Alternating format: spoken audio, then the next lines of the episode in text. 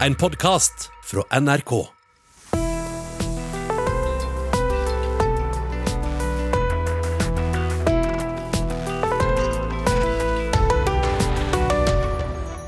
Om du synger Last Christmas, Glade jul eller falskt. Om du setter ut grøt på låven, stjerne på treet eller barn på kjæresten. Uansett hvor du er. Hver dag til rett ut på nyåret så skal du få være sammen med de jeg har aller mest lyst til å henge med i denne underlige koronajula. Noen av de bare fordi jeg har sjansen, fordi de er interessante, fordi det er godt selskap, eller rett og slett noen ganger fordi jeg er stum av beundring. Mitt navn er Hilde Sandvik, som i dag har invitert Dana Eilsel Manusheri til å være sammen med meg den neste timen. Velkommen, Dana. Tusen takk for at du vil komme. Tusen takk for at jeg ble invitert. I september i år så landa du med fly i Paris og ble møtt av politieskorte. Hva skjedde? Nei, hvis jeg skulle til Paris fordi eh, magasinet Le Figaro eh, skulle lage en ti siders reportasje om islamisme og kvinner som står i vinden da, og, og um, møter denne kampen da, i front. Og jeg var så heldig at jeg fikk lov til å være en av de fem, sammen med fire andre kjempesterke kvinner eh, fra Midtøsten. Eh, og blei da invitert til Paris på en eh, sånn 48 timers inn og ut-reise.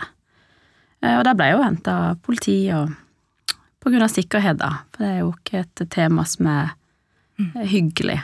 Kjørt til hemmelig plass? Ja, kjørte Henta mer eller mindre ut av flyet, eh, inn i eh, sånn såkalte Secret Services-biler, og kjørt til hemmelig adresse.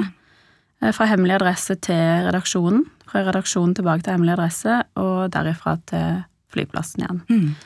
Og det til tross for at ingen visste at Le Figaro faktisk hadde planer om å lage dette oppslaget. Du endte altså på en forside eh, med fire andre kvinner, blant annet Zineb El Rasoui, som vi skal snakke mer om eh, seinere. Eh, hva har skjedd etterpå? Eh, Etterpå så har det skjedd mye. Vi har eh, Dessverre så fikk vi jo den halshogginga av Samuel Parti. Mm. Som selvfølgelig sparka i gang debatten en gang til. Eh, Vi har hatt rettssaken til Charlie Hebdo. Det er liksom det som har skjedd litt mer internasjonalt. For mitt vedkommende så har det jo selvfølgelig iverksatt mye positiv tilbakemelding. Men også um, tilbakemeldinger som har en karakter hvor en er nødt til å kontakte politiet. Men eh, nå i mellomtiden så er du òg altså blitt eh, Macrons elskerinne. Ja, det har jeg blitt, visstnok. Og hvis jeg har klart det i min eh, kort lille karriere, så syns jeg jeg kommer ganske langt. Det er ikke alle som kan smykke seg med å være elskerinne til en president, så den tar jeg. Nei, gratulerer med den. Tusen takk. Det er jeg veldig stolt av. det, Så det ryktet hva du sa i stad, ryktet kan bare spres. Det ryktet kan spres. Du er altså 36 år, advokat, eh, generalsekretær for LIM, eh, og en eh, kjent kvinne i offentligheten av mange grunner. Men hvem er Dana? Dana er ikke advokat, det kan jeg si. Dana har studert juss, men hun er ikke advokat, Nettopp. så det er greit. Nei, Dana er en eh, persisk eh, jente av opphav. Eh, Vokste opp på Sørlandet og endte opp i Oslo. Så det er den kortversjonen. Mm. Veldig engasjert, vel, brenner for kvinners og menneskers rettigheter. Især de som er vanskeligstilte og ikke får rettighetene sine på sølvfat. Så det er liksom der jeg kommer fra. Um, jeg vet ikke hvor langt bak du vil at jeg skal. Nei, men altså, du var hvor, hvor gammel var du da du kom til Norge? Jeg var ni måneder. Eh, min far var i hæren i Iran eh, under sjahen. Eh, og så ble jo den islamistiske revolusjonen i Iran, hvor da sjahen falt. Og alle som sto tett opp mot sjahen og ikke var interessert i å konvertere over til den andre gjengen, de ble jo svartelista. Min far og min bestefar inkludert. Så vi var nødt til å flykte. Så vi kom til Norge i 85. Da var jeg ni måneder gammel, så jeg ble jo født i mer eller mindre i en ganske kjip tid i Iran. Eh, Og jeg hadde en bror på fire. Eh, Og eh, når du blir så og så gammel i Iran, så tar de passet ditt, for da skal du tjenestegjøre som gutt. Så det var veldig om å gjøre å komme seg ut før på en måte min bror ble så gammel at han ikke kunne bli der. Eh, og for min del så er det klart, når jeg ble født som jente, hadde jeg vært gutt, så kan det godt være at den historien hadde sett annerledes ut. Men som jente så skjønte jo mine foreldre at eh, her er det ikke noe framtid for henne. For hun kom til å ha det vanskelig. Hva slags bakgrunn var det i, i Teheran? Teheran er jo et sekulært, altså Iran er jo et sekulært land, veldig fritt. Du hadde moskeer og kirker og alt vegg i vegg. Så det var ikke noe, det har aldri religion aldri vært et tema i Iran før etter revolusjonen. Aldri. Eh, Vi har sjøl familiemedlemmer som har altså alt fra Jehovas vitner til Vi har hatt jøder i familien til altså, all- det- er ikke tema hos oss. Mm. Men så ble det jo veldig muslimsk, eh, og kanskje veldig ekstremt. Så det gikk jo fra en februarnatt, når folk våkna, så var det jo et helt annet eh, regime i Iran. Mm. og dine foreldre havna i Norge. Hva, hva var grunnen til det? Nei, det er, grunnen er jo veldig egentlig tilfeldig, fordi at eh, vi skulle egentlig til Canada. Ja. For min eh, andre del og halvdel av familien flykta til Canada. Men eh, når vi kom til Tyrkia og skulle videre, så sa de at nå er det veldig hyppige grensekontroller i Canada, så det er veldig stor sannsynlighet for at jeg blir tatt og sendt tilbake igjen. Og det er jo synonymt med å bli henretta når du kommer hjem igjen. Så da var det Men det er et land, sånn litt kaldt oppe i nord der, som heter Norge. Et slags mini-Canada? Ja, ja, faktisk. Det kan du si. Jeg er veldig glad for at vi er her da, ikke i Canada, når jeg ser hvordan mine familiemedlemmer har det i Canada. Det er jo mye mer hektisk. Men, men Norge, pappa de hadde jo selvfølgelig kjennskap til Norge, for kongen av Norge hadde vært i Iran og besøkt vår konge, og de hadde vært på den der ørkenfesten, og alle visste jo hvem kong, kong Olav var da. Ja, nettopp. Så vi kom til Norge. Og Ørkenfesten. ja, den Er det en legendarisk fest? det er en legendarisk fest. Har du ikke hørt om ørkenfesten? Fortell meg om ørkenfesten. Ørkenfesten er den her festen vår Shah hadde i ørkenen, som veldig mange sier at det var grunnen til at han ble velta. For det var første gang det ble så synlig hvor mye penger han brukte. Ja. Han fløy jo inn alle de kongelige hele- fra hele verden, og de hadde en kjempefest i ørkenen med svære telt, og det var rene liksom tusen og en natt i ørkenen. Og der var kong Olav. Der var kong Olav. Var din far der òg? Nei. Nei. De var var nok for små, tror jeg. da. Jeg er ikke helt sikker på hvilket årstall dette var, men det var, det var kun for kongelige. Mm. Men du har et eh, forhold til dronningen, Ja. Dron Faradiba. Faradiba er mitt eh, store forbilde. Og hvorfor det? Fordi at Faradiba er en eh, kvinne som i motstrøms når alle andre kvinner var bare kvinnen til sin hustru, nei, hustru til sin mann, så var hun en kvinne som trakk i tråder bak en av kanskje verdenshistoriens mektigste konger, nemlig min konge. Eh, Alt av sånne demokratiske mm, tiltak som er gjort av sjahen i Iran, eh, var liksom Kall det kokken bak det, da. Så hun er en kvinne som virkelig har kjempa for rettigheter for kvinner i Iran og ellers i verden òg.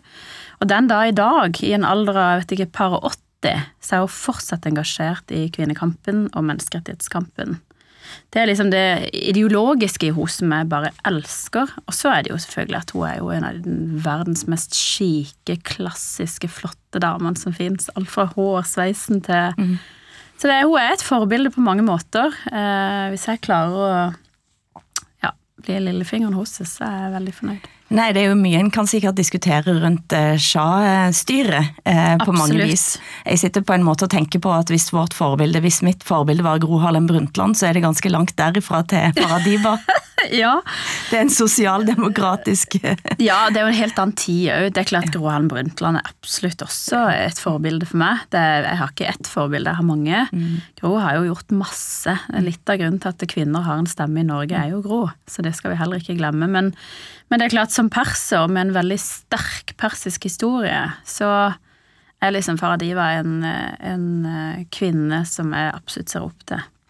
Men du kom inn i politikken i Kristiansand. Lillesand. Lillesand, faktisk. Ja. Eller Unge Høyre i Kristiansand var liksom første steget, Ja. men uh, aktiv politiker ble jeg i Lillesand. Og, og hvorfor valgte du deg Høyre, og, og hvorfor ville du jobbe politisk? Nei, jeg tror det som på en måte var grunnen til at jeg falt på Høyre, var jo at jeg, uh, jeg har alltid vært veldig fan av selvbestemmelsesretten og minst mulig innblandelse fra myndighetene. Jeg tenker at vi er selvtenkende vesener. Og det følte jeg på en måte Høyre var det partiet som fremma i hvert fall høyest. Eh, at vi liksom Ja, selvbestemmelsesretten sto veldig høyt for Høyre, så det var liksom første tiltrekning mot Høyre. Uh, og så var det litt sånn i dvale fra Unge Høyre til jeg gikk aktivt inn i politikken. Det var jo i Lillesand, så uh, var faktisk min svigermor, eks-svigermor, var aktiv Høyre-politiker. Og jeg sa til henne at jeg hadde vært i Unge Høyre, og så sa hun ja, men du er ikke melde deg inn i Lillesand Høyre, da? Så sa jeg jo, det kan jeg gjøre. Så var jeg vel egentlig sånn mer eller mindre sånn listefyll, men så gjorde jo Høyre et knagende valg, så da rykka jeg rett inn i bystyret allerede ved første valg. Og derifra så ble jeg plassert i formannskapet. Og har vært i planutvalg og ja. i viltnemnd, og jeg vet ikke hvilken nemnd jeg ikke har vært i, men jeg har hatt eh, en veldig sånn bratt kurve i politikken, men det var veldig, veldig interessant. Og hva var det du oppdaga der? Der oppdaga jeg mye. Jeg lærte masse. Eh, blant annet at eh, nordmenn har for mye fritid. Det har jeg lært. For det å krangle over et vindu er liksom noe man gjør. Eller et stakittgjerde. Men så lærte jeg også at eh, det er en sånn berøringsangst blant folk. Og spesielt når det kommer til saker som har med innvandrere å gjøre. Mm, på hvilken måte? Nei, det er liksom eh, veldig På Kammers så var vi enige om én en ting, og liksom dette er ikke bra for vårt samfunn, og dette må vi jobbe med, og sånn og sånn. Og så kommer du liksom i bystyret, og så er det sånn ja, nei, eh, ja, dette må vi kanskje se på. Sånn, sånn. Men nei, dette er et problem. Så merka det var veldig få som turte å ta den kampen. Spesielt for min del så var det den Jeg må banne i kirka nå, men den tiggerforbudet hvor vi så liksom gamle mennesker ble sjikanert på gata i Lillesand, og de kunne ikke gå i minibanken og ta ut penger, og da følte vi at dette her må vi gjøre noe med, så vi forbød tigging i Lillesand sentrum. Det var mer eller mindre så sto jeg ganske aleine mm. i den kampen og fronta det, da. Fordi at det var så greit, for jeg var jo innvandrer. Så jeg var i hvert fall ikke rasist når jeg snakka om det. Mm. Jeg kunne være mye, ikke veldig medmenneskelig og ikke veldig snill og kaldhjerta og alt mulig, men jeg var ikke rasist. Og det har fulgt meg veldig, at det her har jeg en fordel fordi at jeg er innvandrer. Og hva betyr det i praksis? Altså du, da, da, var du der i Høyre, og så eh, var du på Sørlandet. Du er ikke lenger på Sørlandet. Nei. Eh, hvorfor er du ikke det? Det er mange grunner. Det ene er jo at det, det blir litt sånn smått å diskutere innvandring og integrering i et sted hvor de tar inn jeg vet ikke, 100 innvandrere, eller hva de gjør. Det, er liksom, det blir for smått. Det andre var jo at jeg skilte meg. Mm. En eh, Jeg vil si det, Eller hver sin sorg, men en ganske tøff skilsmisse for min del, da. Som gjorde at jeg måtte mer eller mindre bare komme meg vekk. Eh, og da fikk jeg jobb i Oslo. Og hvorfor måtte du komme deg vekk? Nei, det var mye konflikter og mye ja, uenigheter, da. Både den ene veien med min, selvfølgelig min eksmann. Mm. Men også litt den der eh, å bevare æren og kulturen i familien min. Mm. Som gjorde at jeg ikke kanskje kunne med det første fortelle om alt som egentlig faktisk foregikk i ekteskapet. Det var ja, vi er kjærester og så gift, og i morgen så er vi ikke det. Det var liksom den, den overgangen ble litt for stor for mine foreldre, uten at de fikk vite detaljene. Og hadde jeg fortalt detaljene, så tror jeg eh, ikke det hadde vært så veldig hyggelig, da. Mm. For da tror jeg min fars æresfølelse hadde nok kicka ganske hardt inn. Så jeg måtte ta kampen alt på mine skuldre og bare egentlig stikke. Og du hadde med deg to barn. Mm. Eh, og dette æresbegrepet det er jo noe som en snakker om ganske ofte. Ja. Eh, kan du forklare det? Uh, ja. Uh, ja eller nei. Det er jo, altså, Forklare æresbegrepet, det er jo um, Eh, for en mann, da, eh, i vår kultur, så er jo familiens ære er jo veldig viktig. Det er mye mer viktig enn velstand og rikdom, og den æren, det er liksom Det, det er ryggmargen til en mann i familien, da. Og den skal du ikke trosse. Den skal du ikke spotte. Og hvis du da som kvinne, eller som mann for den saks skyld, eh, ikke bevarer den æren, så følger det eh, straff. Det gjorde ikke min familie, da, for min far og de er veldig vestlige. Men, men en ser jo eh, fatale utfall av æresrelaterte utfordringer i Norge, da. Mm. Og det er jo det vi prøver å jobbe med. Um, for Nå er du altså generalsekretær i LIM, og du må nesten forklare hva består LIM for, og hva er eh, denne organisasjonen? LIM eh, står for likestilling, integrering og mangfold. eh, Og det er en NGO som ble starta i utgangspunktet av en gjeng sekulære muslimer. Blant annet Walid al-Kubassi, som ikke er med oss lenger. Mm. Som på en måte en motvekt, eller en motstemme til de mest konservative stemmene vi hadde i Norge, som ikke er representative for eh, massen av muslimer og innvandrere i Norge, da. Eh, Hvor det var en gjeng som fant ut at hei, vi må starte en organisasjon som kan snakke liksom mer liberale stemmer som ikke har dette her sinnssyke synet. Eh, Og da starta de LIM. Eh, Avsparket til LIM var den første karikaturstriden. Så det var liksom starten på LIM. Og nå vi 2005. ja. Og i 2014 så kom vi på statsbudsjett, og siden har vi vært der. Så det er, det er Lim sin historie. I dag så hadde, Og Lim sin en hovedmandat er jo, som det heter, Lim. Vi skal være et lim i samfunnet mellom minoriteter og majoriteter.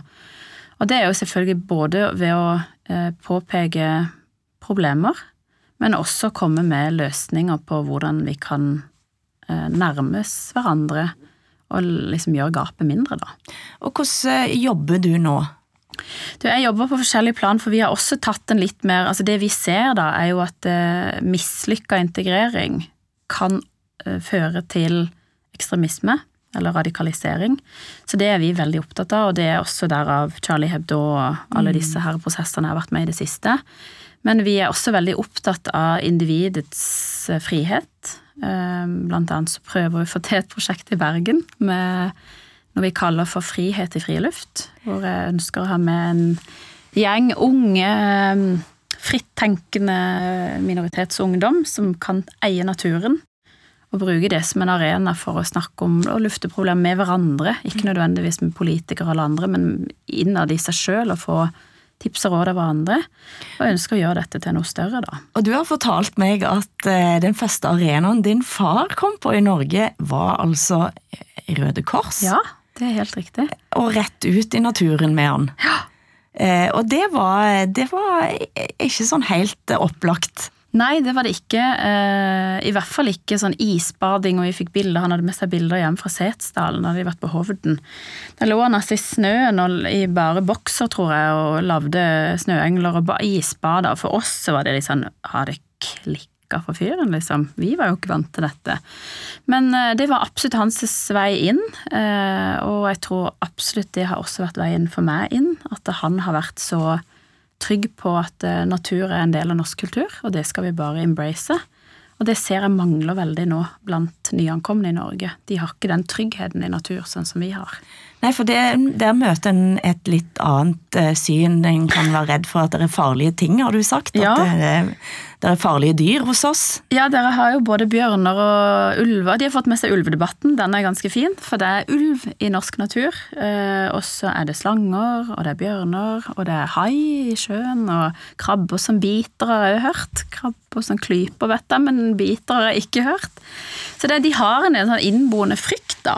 Eh, naturlig nok, ikke sant. Vi har jo lært dette fra vi så Nordmenn, det er jo ikke uten grunn at vi sier at dere er født med ski på beina, men det er ikke vi. I beste fall så er vi født med kameler eller et eller annet, jeg vet ikke. Men, eh, men de, så det må læres. Eh, At ikke en kan gå med lakksko og ballkjole i marka. Vi må ha ull og flis. Det er sånn som vi tar det helt for gitt, men dette må læres videre. Går du med så mye ull og flis, da? Du bor på Frogner, og Ja, har, du, har du flisjakke? absolutt. Jeg har Nikkos fra Amundsen i alle farger, og jeg har selskinnsko, og jeg har Der ser du. du skulle, Jeg tror jeg er mer norsk enn deg, Hilde, skal jeg være helt ærlig. Den kampen skal vi ta etterpå. Ja, ja, det gjør vi. Ja. Eh, Da du kom til Oslo, så var det et annet miljø som du òg ble tatt inn i. Rundt Oslo Ja. Freedom Forum. Eh, Fortell om det. Nei, Oslo Freedom Forum var for meg en del av LIM. Det var noe som var i LIM før meg, men jeg hadde liksom bare hørt om det. det var, jeg hørte så flott ut. Det var en gjeng med aktivister som samla seg. Ja, fordi dette er jo altså rett og slett en gang i året så møtes da menneskerettsaktivister fra hele verden eh, og holder foredrag eh, relativt korte foredrag. Og der du da kan møte altså denne ene dagen eh, aktivisten som kjemper mot omskjæring av kvinner, den andre dagen eh, kan du møte en fra Nord-Korea som har hoppa av. Et ganske bredt Veldig. spektra.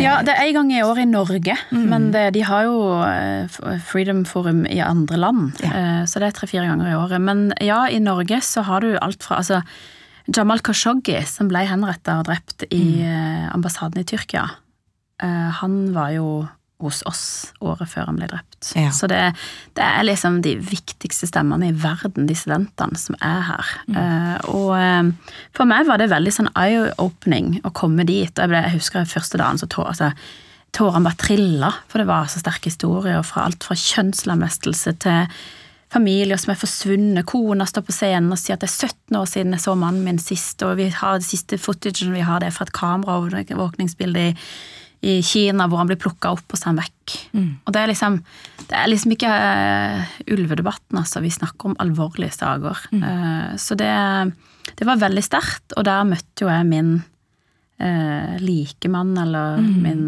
søster i kamp, eller hva jeg skal kalle Ja, for noe. og hvem var det? Det er Zineb al-Razoui. Som var på Le Figaro sin forside sammen med, med deg. Eh, Zineb kom inn i den bredere offentligheten. Hun har vært kjent, men hun kom inn i den store, brede offentligheten etter angrepet på Charlie Hebdo. Som hun overlevde, fordi akkurat da var hun ikke der. Men eh, for å bringe oss tilbake, sånn som dette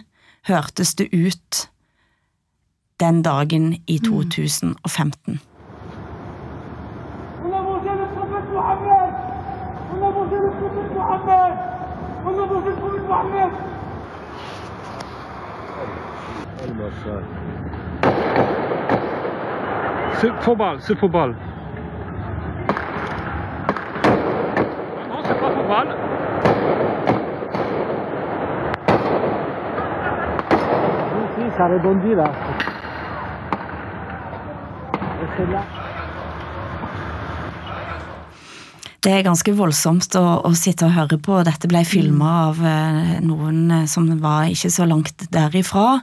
Eh, hvor mange tegnere ble drept den dagen i Charlie Hebdo? Altså Totalt så var det tolv mennesker som ble drept inne på Charlie Hebdo-bygget. Alt fra en som var tilfeldigvis som skulle til en annen etasje, som var nede i resepsjonen, til Charb sin livvakt. Charb var Charb var redaktøren. Redaktør, Ja, så han var jo, det var jo egentlig Zineb og Charb som var hovedmålet. Zineb fordi hun var islameksperten i Charlie Hebdo, og Charb fordi han var den som godkjente bildene. Og så var de selvfølgelig tegnere og alt mulig, men eh, de viste jo ikke nåde. De kom jo inn med Kalasjnikov og skjøt alt som bevegde seg. Så totalt så ble tolv mennesker drept, og en haug skada, men overlevde. Eh, så det er ganske brutalt. Jeg kjenner jeg får helt sånn frysninger når jeg hører disse opptakene. Men, men det er jo realiteten, da. Og Zineb var hun som jeg møtte da i, eh, i Oslo Freedom Forum. Og vi ble enige om at vi må sette oss ned og prate, eh, og det gjorde vi. Og vi skulle egentlig bare ta det siden jeg er veldig glad i champagne. Så vi satte oss ned og skulle ha ett glass champagne. eh, Og så har jo hun livvakter døgnet rundt. Ja. Etter den dagen som du hørte det opptaket, når jeg blanda på Charles de Gaulle i Paris, så ble hun møtt med den samme kortasjen som jeg ble møtt med, som var da livvakter, og siden har hun levd med livvakter. Så det er hennes historie som er forskjellig fra min, da. Eh, Så vi gikk og satte oss på Grand Hotel eh, og hadde et glass champagne og begynte å prate, og skjønte fort at du, dette går ikke over et glass, vi må, vi må rykke videre. Så vi rykka inn på Hoses rom og tok med oss et par flasker, faktisk, så det, det hører med historien.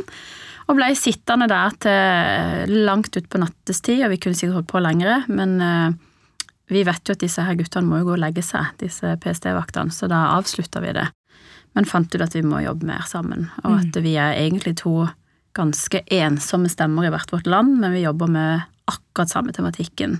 Og hva tematikk er det, hvis du skal si det helt på spissen? Helt på spissen så er det jo radikal islam, Mm. som fører til islamisme, som fører til eh, ekstremisme, som fører til terrorisme. Så det er i det feltet vi er nå, eh, og jobber eh, ganske aktivt for å egentlig mer eller mindre folkeopplysning, for det er jo ikke vår jobb å gå ut og finne ekstremister, det er jo PST sin jobb. Men vi eh, bidrar med å belyse og hvor på en måte grensa går. Selv om jeg sitter her og kaller meg sjøl veldig flott muslim. Men hvis jeg sier at eh, jeg ønsker sharia i Norge, så er jeg en islamist. Jeg trenger ikke å sprenge bygning for å være en islamist. Det er, det er liksom siste stopp. Det er mye som skjer i den radikaliseringsperioden. Og det er der vi ønsker å liksom opplyse. Nå hadde jeg i går en samtale med eh, myndighetspersoner i UK, så vi ønsker å få til et samarbeid med de. Så vi sprer vårt nettverk ut, for på samme måte som islamistene har internasjonale nettverk, så må også vi som prøver å stoppe dette, ha et internasjonalt nettverk. Vi kan høre òg et lite klipp fra da Sineb var på Kapittelfestivalen i Stavanger fra 2015. Ja. Zineb El Rasoui snakker med sine livvakter. Journalisten i det franske satiremagasinet Jarlie Hebdo er stadig truet på livet, og passes også på når hun besøker Kapittelfestivalen for litteratur og ytringsfrihet i Stavanger. I think when you have such a threat on you, you never know when they can make it real. Man vet aldri når de kan gjøre alvor av truslene, sier Zineb. Det er nettopp kommet meldinger om at ti personer skal være drepne i skyting i redaksjonslokalet. Da militante islamister angrep magasinet 7. januar i år og drepte tolv mennesker, var Zineb på ferie i Marokko. Hun har muslimsk bakgrunn, er ikke-troende og har utgitt en tegneseriebiografi om profeten Mohammed sammen med tegneren Sharb, som ble drept i angrepet. You know, if we accept Hvis vi slutter å tegne karikaturer fordi det kan krenke noen, betyr det slutten på ytringsfrihet, sier Zineb, og sikter til at det denne uka kom nye satiretegninger fra Charlie Hebdo som fikk det til å koke på sosiale medier. Og nå har altså Sineb eh, gitt ut en bok, eller hun ga ut en liten bok, eh, Je suis Charlie, eh, som Lim har oversatt til norsk. Den er akkurat kommet ut. Mm. Sineb skriver der innledningsvis folk er så redde for å kritisere andres religioner fordi de ikke vil bli stemplet som rasister eller islamofober. Det er en enorm feiltakelse, for religion er ingen rase, det er en mening. Ingen meninger burde bli beskyttet som noe hellig, kun radikale fundamentalister tenker det. Retten til å bli krenket eksisterer ikke. Og det er ganske heftig, og sier òg at retten til å krenke ikke eksisterer. Hva tenker du om det? Nei, jeg er helt enig med henne. Det er jo ikke, det er jo ikke noe rett til å, å bli krenka. Du må gjerne bare bli krenka, men hold det for seg sjøl. Jeg blir krenka kanskje islam. Skal vi forby islam, da? Så, og krenking er på en måte ikke en, en altså Vi kan ikke påberope oss en menneskerett på bakgrunn av en krenkelse. Men det som er en menneskerett, er å få lov til å ytre seg. Eh, Og hvis du er krenka av noe jeg sier, ta til pennen og skriv. Skriv det Dana sier krenker meg. Ja, flott, så kan jeg svare. Det er sånn et demokrati funker. Vi kan ikke drive og forby alt vi ikke liker. Eh, og hvis en skal på en måte ta utgangspunktet da, eksempel islam da, eller Koranen og eh, Mohammed-karikaturene Jo da, karikaturene altså, Personlig syns jeg de er litt sånn grove, men det er ikke min smak. Jeg er mye mer glad i Frank Brunner og eh, Nupen-tegninger, holdt jeg på å si. Men, men eh, det som står i Koranen, er jo ganske brutalt. Hvorfor forbyr vi ikke det? Jo, fordi det er liksom hellig, fordi det er verna under det som heter religion. Så jeg tenker brutalitet, det bør faktisk forbys, men vi lar Koranen passere som religion. Da tenker jeg da, da kan vi faktisk akseptere noen tegninger. Det er ikke Det, er ikke, det har aldri skada noen. Men du kjenner jo mange som er bekjennende muslimer, og, og sikkert som er kristne, og som, som har en annen tro, Mm. og opplever det som at det hellige rommet en har inni seg, eh, blir eh, ja, altså rett og slett krenka. En blir veldig lei seg. Har du forståelse for det? Selvfølgelig. Jeg har kjempeforståelse for at folk blir lei seg og krenka og provosert. Alle dette, alt dette er følelser i menneskets uh, følelsesspekter. Det må vi ha. Men derifra til å agere, der stopper min forståelse. Jeg kan jeg ble, Når jeg skilte meg, så ble jeg kjempesint. Men jeg kunne ikke gå og drepe han eller sprenge huset hans. Altså, Ja, jeg ble sint, men det, min, det må jeg håndtere. Jeg, kan ikke, jeg må følge loven. Jeg kan ikke liksom agere ut ifra egen, eget følelsesspekter, det går ikke. Og Det samme tenker jeg med religion. Vi, kan, vi skal være noen muslimer. Jeg fordømmer alle som angriper muslimer, og er stygge både i verbalt og fysisk mot muslimer. Men jeg har ikke det samme vernet for religionen islam. Du snakker med Sineb ofte. Ja, ukentlig, hvis ikke daglig. Ja. ja. Hun lever med veldig tung beskyttelse. Eh, blir du engstelig eh, når du hører om hennes liv nå? Ja, jeg gjør jo det. Altså, det er, det er klart hun er beskytta, men det var Charb òg. Han ble drept med le livvakten på sida av seg. Så det, det Jo da, det er litt sånn som voldsalarm. Det er hyggelig å ha, men det er ikke Det hjelper ikke det, vet du, når det står folk med pistol foran deg. Da er du ferdig. Eh, Så det er jeg veldig bekymra for. Jeg er veldig glad i Zineb, så jeg syns det er kjipt at hun må leve sånn. Men så har jo hun barn òg, og det skremmer meg også. At hun må eh, Altså, hun fødte jo med livvakter rundt seg.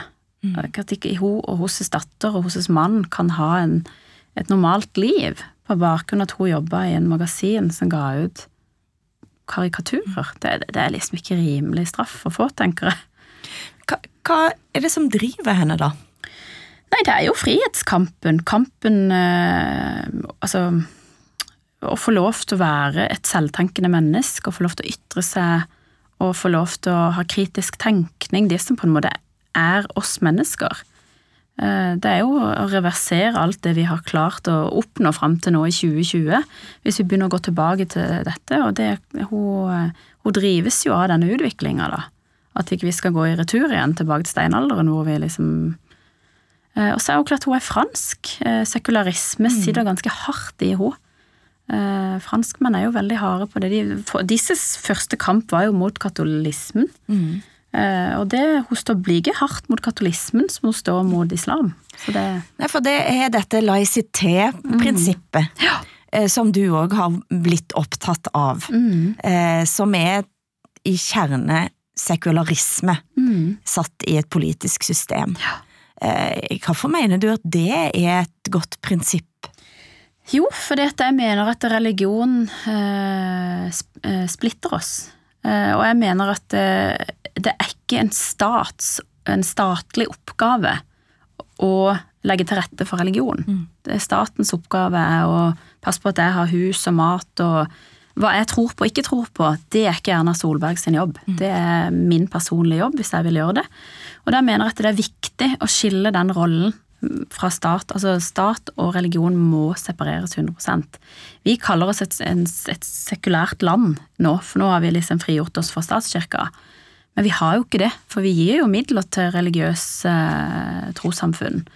Eh, Og laicité på en måte klipper navlestrengen der, da. At vi er helt fraskilt. Så det eneste som etter mitt syn da bør ligge til statlig styring, eh, um, å ivareta og, og restaurere på en måte byggene.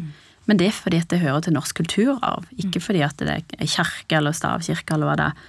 Også, også selvfølgelig begravelser, altså kirkegårder. Men det er fordi vi ikke vi ønsker å gravlegge folk i hagen, liksom. Det er de eneste grunnene til at jeg kan se. Unnskyld at jeg ler Ja. litt av det, men jeg så det plutselig veldig for meg. Ja, jo, Eh, men det er sikkert der vi ender opp, da. Hvis ikke staten tar seg av det, så legger vi det ned i hagen. Men vi er jo blitt mer følsomme, eh, og når en hører om livet til Sineb, mm. en eh, hører òg om trusler eh, andre, og du, utsettes for, så kan en jo tenke hm, her skal jeg trø litt vannet. Og jeg hørte at Erna Solberg brukte ordet tankefrihet og ikke ytringsfrihet etter Samuel eh, ble halshugd mm. på gaten i Paris. Denne følsomheten, eh, hva tenker du om den? Jeg tenker at det er på bekostning av noe. Denne Denne følsomheten, den sensitiviteten vi viser, det er på bekostning av sånne som Zineb i Paris. Litt med i Norge. Det gjør at vi står veldig alene. Hadde Erna gått ut på samme måte som Emmanuel Macron gjorde, så hadde jeg i hvert fall følt meg mye tryggere. Hadde Guri Melby gått ut og sagt at alle lærere, dette er en del av pensum, kjør på. Og deretter også økt eh, rettssikkerheten deres, så hadde ikke læreren stått alene. Jeg får ukentlig telefoner av lærere som ønsker å snakke om ytringsfrihet, som ønsker å snakke om karikaturene, men de tør ikke. Ja, altså, jeg eh, tenkte da jeg så her om dagen, så surra det forbi en eh, gammel sketsj fra Underholdningsavdelingen. Han er ikke så gammel heller. Kristine Riis, som der møter altså mulla Krekar. Hør her. Til inngangen i huset så står det 'hjertelig velkommen inn'. Det er jo veldig hyggelig, Ja, veldig koselig, unntatt hvis du er en respektløs liten hore. Med vennlig hilsen Krekar, Krekar dessert. Så slipper du å få sånne drittfolk inn i huset. Ja. Jeg eh, men du har jo laget flere andre ting eh, også. Jeg har laget mange ting her. Dette her er vanter. Ok. Her står det, de er varme og gode. Vær snill og grei, ellers kapper vi vantet av deg. Den er litt fin på rim og sånn, og den Ja. varmer, og kanskje noen bare trenger en vante. Hvis du er tyv, da. Jeg skjønner. Eh, Men du, det, det ligger, jeg kan ikke unngå å se den der flotte puten som ligger eh, oppi Ja, der. Har du det er en veldig god, koselig pute Ja. for kveld på lørdag. Her er det til sofa, da. Så står det 'slapp av og kos deg'. Ja, det er jo en skikkelig koselig Ja, med mindre du er kvinne eller hund, gå tilbake på kjøkkenet med deg. Vi sitter jo her og ler nå. Her er det altså Krekar eh, som har lagd diverse ting i fengselet som han tar med seg ut. Krekar Design. Men da jeg hørte det nå nylig, så tenkte jeg oi, plutselig så var det sånn eh, Ville en ha lagd det nå? Aldri. Og det er ikke gammelt, altså. Nei, altså det, hvis du ser han Mats Hansen, er det han heter, han som nå tok solarium eller sånn der spytanning og ble kalt nå for blackfacing, at han gjør narr av mørkhuda mennesker. Altså, vi, er, vi, vi er blitt helt sinnssyke. Vi, humor er bare vekk. Nå er det bare krenkelsesfestene starta, og den som roper høyest og krenk, blir krenka først, den får først medaljen, liksom. Det er der vi er kommet. Og jeg har sett eh, klipp av Otto Jespersen når han brant Bibelen. Jeg har litt lyst til å ringe han og spørre du, tør du å brenne Koranen? Han hadde jo ikke turt det. Men tror du han hadde brent Bibelen eh, da? Ja. Lett.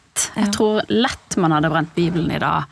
Og sikkert fått mye. Sikkert mange muslimer som faktisk hadde beskytta oss da og sagt at nei, dette er dårlig gjort og sånn og sånn.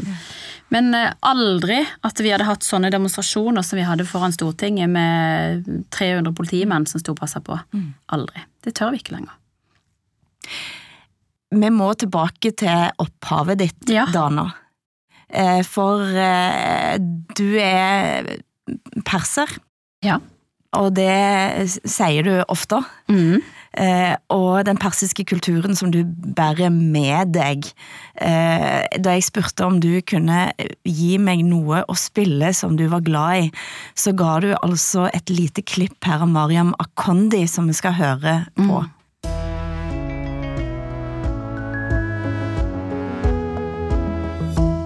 Du hører på Sammen med Sandvik, og her sitter jeg sammen med Dana Monoceri.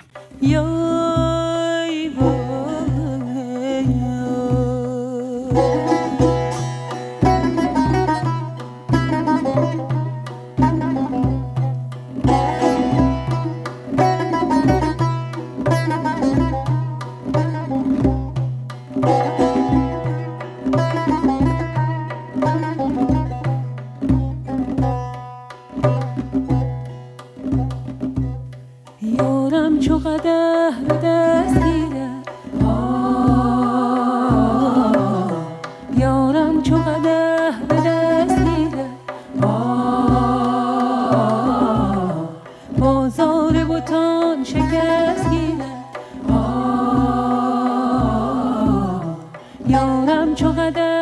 دست گیره بازار بوتان شکست گیرد. هر کس که بدید چشم او گفت هر کس که بدید چشم او گفت کو محتسبی که مست گیرد کو محتسبی که مست گیرد کو محتسبی که مست گیرد.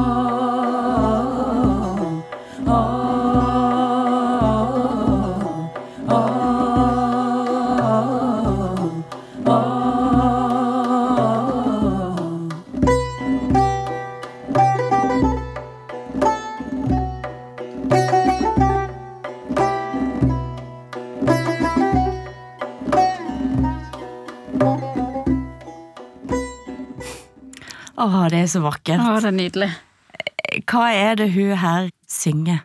Nei, hun synger jo om Altså, det er jo kjærlighet. Hvis jeg skal liksom eh, treffe min eh, skal jeg si for noe emosjonelle kjærlighetsside, så kan jeg ikke høre på norske sanger. Da kommer jeg til kortet, så da er det persisk som gjelder. Ja.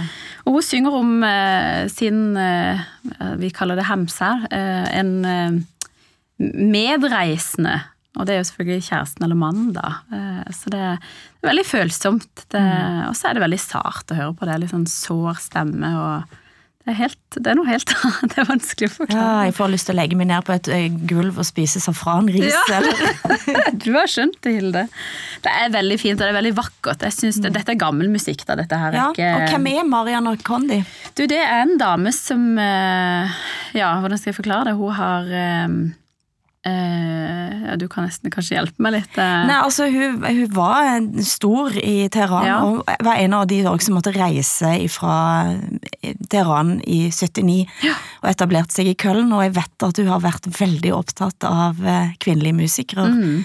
Uh, og starta et lite kollektiv for kvinnelige musikere. For det å, å lage musikk som kvinne nå i Iran er, er ikke så veldig lett. Nei, det er ikke lett. Så det er mange sånne dissidenter i utlandet. da. Eh, Og det tenker jeg litt sånn ofte på òg, at det, det er litt sånn påfallende at de fleste, ikke alle, men de fleste, som på en måte hever stemmen for det som skjer i Iran, det er kvinner. Om de er musikere, kunstnere, fotografer, altså hva det er for noe. Det er kvinner. Så det er en eh, sterk kvinnelig bestand i Iran, tydeligvis, da. Nei, jeg satt og tenkte på da jeg hørte først denne musikken som du da sendte, så tenkte jeg på fotografen Yusha Tavakolyan som jeg hadde på scenen under dokumentarfotofestivalet i Oslo for, for en del år siden. Og Yusha eh, som kvinnelig fotograf var jo heller ikke lett. Noe av det hun har gjort, er et prosjekt der hun har fotografert platecover for kvinner som ønsker å synge i Iran, og som ikke kan det. Veldig sterke, vakre eh, platecover der du nesten kan høre musikken gjennom den totale stillheten som det bildet er. Eh, og den type historier er det en del eh, fra Dessverre. i Iran. Mm, dessverre veldig mange. Og altså, persisk er et veldig poetisk språk, så vi er for heldige de som kan det, da. De, eh, det er en sånn dybde som du aldri kan på en måte helt forstå på norsk, da. Eh, og det er derfor jeg syns persisk er For det første er jeg veldig takknemlig for at mine foreldre lærte meg persisk. For jeg, det var jo ikke noe selvsagt at jeg skulle lære det i Norge. Jeg har aldri vært i Iran. Så, så at jeg kan nå liksom sitte i en voksen alder og høre på persisk musikk og liksom drømme meg litt bort. Litt sånn Tusen en natt og Persopolis og alle disse her eh, Så får man liksom magedanser Altså, det er, en, det er en annen verden, på en måte. Litt fantasiverden for min del. Leser du eh, persisk litteratur? Eh, ja, jeg leser det ikke på persisk, for det er ikke så veldig flytende på persisk eh, håndskrift, holdt jeg på å si skrift. Eh, men eh, oversatt eh, mye av Hafez og eh, Rumi, eller Molana som vi sier på persisk, da. Det har jeg lest mye av. Veldig dypt og fine dikt som de har. Og Rumi kjenner vi jo Ja. eh, til mange av oss, men kan du forklare eh, hva det er som, er som, som skaper denne fascinasjonen, da? Det er, jo, det er jo språket, først og fremst. Det er jo et kjærlighetsspråk som eh, Ja, jeg føler jeg gjentar meg sjøl, men som ikke eksisterer på norsk. Altså, på norsk så kan du f.eks. si, hvis du er altså Det mest liksom, sterkeste du kan si til partneren din, det er 'jeg elsker deg', eller 'skatten min', eller et eller annet sånn klissete greier. Men på persisk så trekker du så langt som at du kan f.eks. si at eh, Altså Vi har et uttrykk som heter jigaram, som betyr levra mi. Jigaram. Jigaram. Jigaram. Ja, det betyr min lever. Og i seg sjøl lever, altså kaller du noen for levra di, liksom. Det er litt rart. Men det betyr jo at uten levra di, så kan du ikke leve. Nei. Så ikke sant, Du må liksom lese mellom linjene. Eh, vi har et ekstremt sånn farverikt kjærlighetsspråk. Eh, og veldig mange Jeg har et vennepar som er Han er norsk, og hun er iraner. Og eh, jeg skal kaldkvelt for dette, jeg forteller dette. Men der er det litt sånn Jeg får ofte telefoner fra henne hvor hun er litt sånn Altså, Fyren har jo ikke følelser. Så jeg, hva mener du, liksom? Han kan si liksom, ja, du er så fin og jeg er så glad i deg. Sånn. Det er jo som han snakker til hunden sin. Hva er dette her for noe, liksom? Så ble jeg sånn Han er ikke iraner, husk det. Han er norsk, så han kommer ikke til å kalle deg for levra mi eller eh, Hjertet mitt klarer ikke å dunke uten deg. og sånn. Det, det blir litt sånn klisjé for nordmenn å si sånne ting. Eh, Det, det er litt sånn Shakespeare på steroider. Eh, Så, så det har vært litt sånn, jeg har vært litt sånn eh, ballspiller med de to, da. Du må liksom øke ordforrådet ditt, og du må jekke ned forventningene dine. Vi er i Norge. Du driver som tolk? Kjærlighetstolk? Ja, kjærlighetstolk. Så hvis det er noen andre som trenger hjelp til det, så er det bare Ja. å ringe. Men altså, eh, gi oss noen flere sånne uttrykk som det er mulig å si på eh, På persisk. persisk eh, Vi sier for eksempel Aziz Delem. Det kan jeg si til mine barn, eller jeg kan si det til deg hvis vi er veldig close. Aziz Delem, det betyr det kjæreste jeg har i maven min. Nettopp. Jeg kan ikke forklare det, men det er liksom Eller hvis jeg skal si bare til min datter Hun er det Linnea, da. Hvis jeg skal si Linnea, kom, så kan jeg si Azizam. Min kjære, min skatt, min, min, det næreste jeg har. Det er liksom ikke bare Linnea, kom bort her litt. Du bruker alltid sånn kjærlighetsord. I en helt vanlig relasjon. Uh, så det er, det er Kjærlighet står liksom øverst. Mm. Uh, utrolig nok, da. Eh, Jeg husker det var en iransk designer som sa til meg at, eh, at eh, kjærligheten også, altså mellom mann og kvinne, da, altså det var sånn altså en krukken, krukken var på en måte mannen, mann, og så var blomsten var kvinnen som skulle vokse opp. Ja. Men det høres jo òg altså Denne forholdet mellom mann og kvinne ja. eh, Hvordan er det egentlig? Altså, jeg, jeg har jo ikke noe fasit, men sånn som jeg har på en måte kalkulert i mitt hode, da, at det er veldig lite det fysiske, det er mye mer på det intellektuelle, det kjemiet og tanker og verdier. Altså Kjærlighetsspråket til mm, iranere da, er mer plassert der Mm. enn det er 'å, så flotte bein du har', eller 'så flott kropp du har'. Vi er liksom ikke det, det ligger mye mer på det intellektuelle, da. Eller kanskje ikke intellektuelle, men på det verdimessige. Så når du skal appellere til noen, så må du appellere til det indre, og ikke så mye det ydre. Ja. Jeg tror ikke en persisk kvinne blir like sjarmert hvis du sier 'å, så flotte, lange bein du har'. Ja. Eller så et eller annet. Jeg vet ikke. Det, er- men hvis du da hadde komplementert f.eks. intellektosis, eller det hun sa, eller verdiene hun står for, så tror jeg du når mye fortere fram, da. Vi snakka litt om Walid al-Kubaisi, som ikke var perser, men som var iraker. Mm. og bodde i Norge og var også opptatt av språket og, og skrev og, og skrev poesi òg. Eh, og han var viktig for lim. Hva forhold hadde du til Walid? Jeg hadde et veldig godt forhold til Walid. Jeg kjente han ikke så veldig lenge, for han gikk jo bort uh, ganske tidlig i min karriere i Lim. Men Walid var også en veldig poetisk mann. Eh, som Irak, og de har jo også veldig dyp poetisk uh, kultur. Første gang jeg, altså Mitt navn er selv, betyr jo honning på arabisk. Eh, og Første gang jeg møtte Walid, da hadde jeg akkurat dusja, nå har jeg jo rett hår, men jeg hadde krøller. Så jeg kom inn i Lim-lokalet og skulle sette meg med styrebordet og ha et styremøte. Og så bare reiste han seg opp, så tok han håret mitt, og så da, da husker jeg aldri møtt mannen før. Og bare sniffa meg i håret. Så ble jeg litt sånn 'hjelp, hva skjer nå?' Og så sier han 'ja, det lukter jeg selv'. Altså det lukter honning. Og det er klart, Hadde han gjort det mm, på deg eller på noen andre, så hadde det fort blitt en sånn metoo-kampanje. Men fordi jeg kjente kulturen hans, fordi jeg kjente dette kjærlighetsspråket, så skjønte jeg hva han ville. Altså, Det var jo et kompliment til meg at jeg er like søt som honning. Mm. Så det var veldig vakkert. Og sånn starta egentlig min eh, relasjon til Walid. Det var veldig dypt, og det var veldig um, varmt forhold. Han er en ekstre, var en ekstremt varm person som hadde veldig sånn verdier i forhold til denne her sekulære kampen og drømmer om at det, at det kommer en sekulær bølge og på en måte slår ned denne konservative, ekstremistiske bølgen som er motbølgen vår, da. Nei, han eh, snakka om Wergeland. Han ville Ja. at vi skulle revitalisere Wergeland, og mente at nordmenn har glemt hvor en kommer fra, og glemt eh, fundamentet. Eh, men han ble òg eh, uglesett i ganske mange miljøer. Han skrev i Dag og Tid veldig lenge, og han ga ut òg bøker.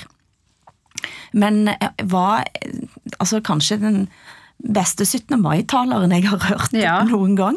Faktisk. fordi han snakket om eh, da denne Altså den nasjonalismen i Norge da, som, bunner, som har utgangspunkt i en frigjøringskamp. Da. Og at det var den frigjøringskampen han mente at vi måtte mane, mane til. Mm. Jeg er helt enig med han, og eh, Walid er en eh, ekstremt eh, raus mann, eller var. Uh, og jeg for så vidt der var, diskuterte alltid med Walid, for han mente at uh, dere hadde glemt det. Jeg mente at det ligger der, men dere tør ikke. Da snakker du om dere som no Nordmenn. nordmenn. Ja, at. Og Wergeland og hele den der nasjonalistiske ånden. Jeg, han kalte det nasjonalistiske, jeg kalte det patri patriotiske. Mm. Så vi var enige, men det var liksom Jeg, jeg mener fortsatt at nordmenn har det i seg. Mm. Uh, og pusher du nordmenn langt nok, så tror jeg det sprekker. Mm. Eh, og du ser òg at det er bevegelser blant nordmenn å ta tilbake på en måte det å være norsk. Mm.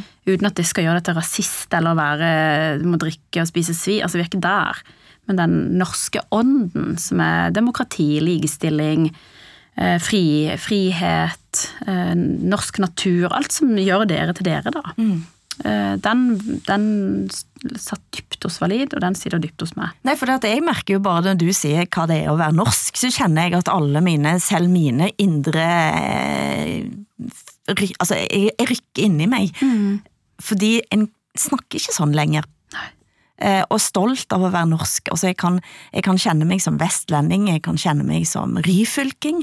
Jeg kan kjenne meg som eh, for så vidt norsk, men først og fremst kanskje skandinavisk. Eh, men jeg aner ikke helt hva det vil si å være norsk eh, Nei, det. og det er jo litt paradokset, da. og Da er vi tilbake til den kampen du nettopp tapte. For det er mer norsk enn det. For det det er, når jeg våkner opp morgenen, så er jeg stolt av å være norsk. Altså, jeg er perser, men jeg er også norsk. For meg å kunne på en måte følge de norske tradisjonene og lære mine barn det å være norsk, det betyr å være god og snill og vi har likestilling, altså alle disse verdiene som vi har kjempa for, eller dere, Gro Harlem Brundtland og alle disse her folkene bakover har kjempa for, det er å være norsk. Det å kunne lære seg å stå på ski og bruke naturen og, det, altså at ikke dere er mer stolte og flagger det mer, skjønner jeg ingenting av. Altså, vi persere, bor i Norge, aldri vært i Iran, det første jeg sier er perser. Den stoltheten av å være perser, den tillater du meg å ha. Men hvorfor skal ikke jeg tillate deg å si at du er en størst, stolt norsk nordmann, liksom? Det, det er litt, litt sånn tabu, skambelagt, og det skjønner jeg ingenting av. Det må dere ta tilbake. Dere er ikke rasister av den grunn. Men det fins jo rasister òg. Absolutt. Og det fins det ja, Hvis en følger sosiale medier, så kan det virke som at det er stadig flere. Men så er det kanskje òg stadig flere som blir kalt det. Ja, jeg mener jo at rasister finnes. Altså, jeg tror de største rasistene er fra Iran, spør du meg. Det er ingen tvil. Vi er så are, sånn rasebevisste, og vi er så opptatt av den der ekte ariske rasen som er oss. Det er ikke dere, for øvrig. Eh, Jeg tror ikke du finner noen som er mer eh, holdt jeg på å si, øverst på rangstigen enn iranere. De er jo verdensmestere i alt. Eh, Men rasisme, uansett hvilken farve og fasong den kommer i, må slås ned på. Men det å være rasebevisst, eller det å være stolt av sin egen rase, det gjør deg ikke til rasist.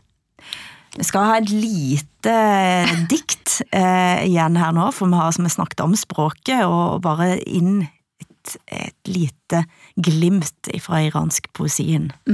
دوران جهان بی می و ساقی هیچ است بی زمزمه ساز عراقی هیچ است هرچند در احوال جهان می نگرم حاصل همه اشرت است و باقی هیچ است Hva er det som blir sagt her? Nei, det er veldig dypt språk. Det er alt fra at eh, hvis ikke vi står sammen, så, er det, så blir det ingenting igjen. Eh, hånd i hånd. Vi må stå sammen. Eh, Heachas, det betyr da er vi tom. Det er ingenting. Og hvem er det som har skrevet disse ordene? Det er Hafez. Mm, det er Hafez. Ja. Så det er vår alles Hafez. Vi, vi er, står sammen iallfall ut dette programmet, og hvis jeg skal spørre deg, hva ønsker du deg eh, av den dagen alt åpner opp igjen, Dana? Da ønsker jeg at alle eh, er tilbake der de var før pandemien, i jobb og ikke dårlig økonomisk stilt. Men mer enn alt så ønsker jeg at vi er mer bevisste på hvem vi er, og stolte av hvem vi er. Og eh, hever stemmen og sier ting selv om ikke det angår oss. Jeg har lyst til at vi skal tone ut da, med en av de som òg visste hvem han var. Vi skal høre et lite utdrag musikk her ifra Hvem skal vi høre da, Dana? Nå er jeg usikker på hva du har så mange klipp fra meg. Det er, det, dette er et klipp som du har henta ifra Altså ifra Rohani. Og sangeren er Heide.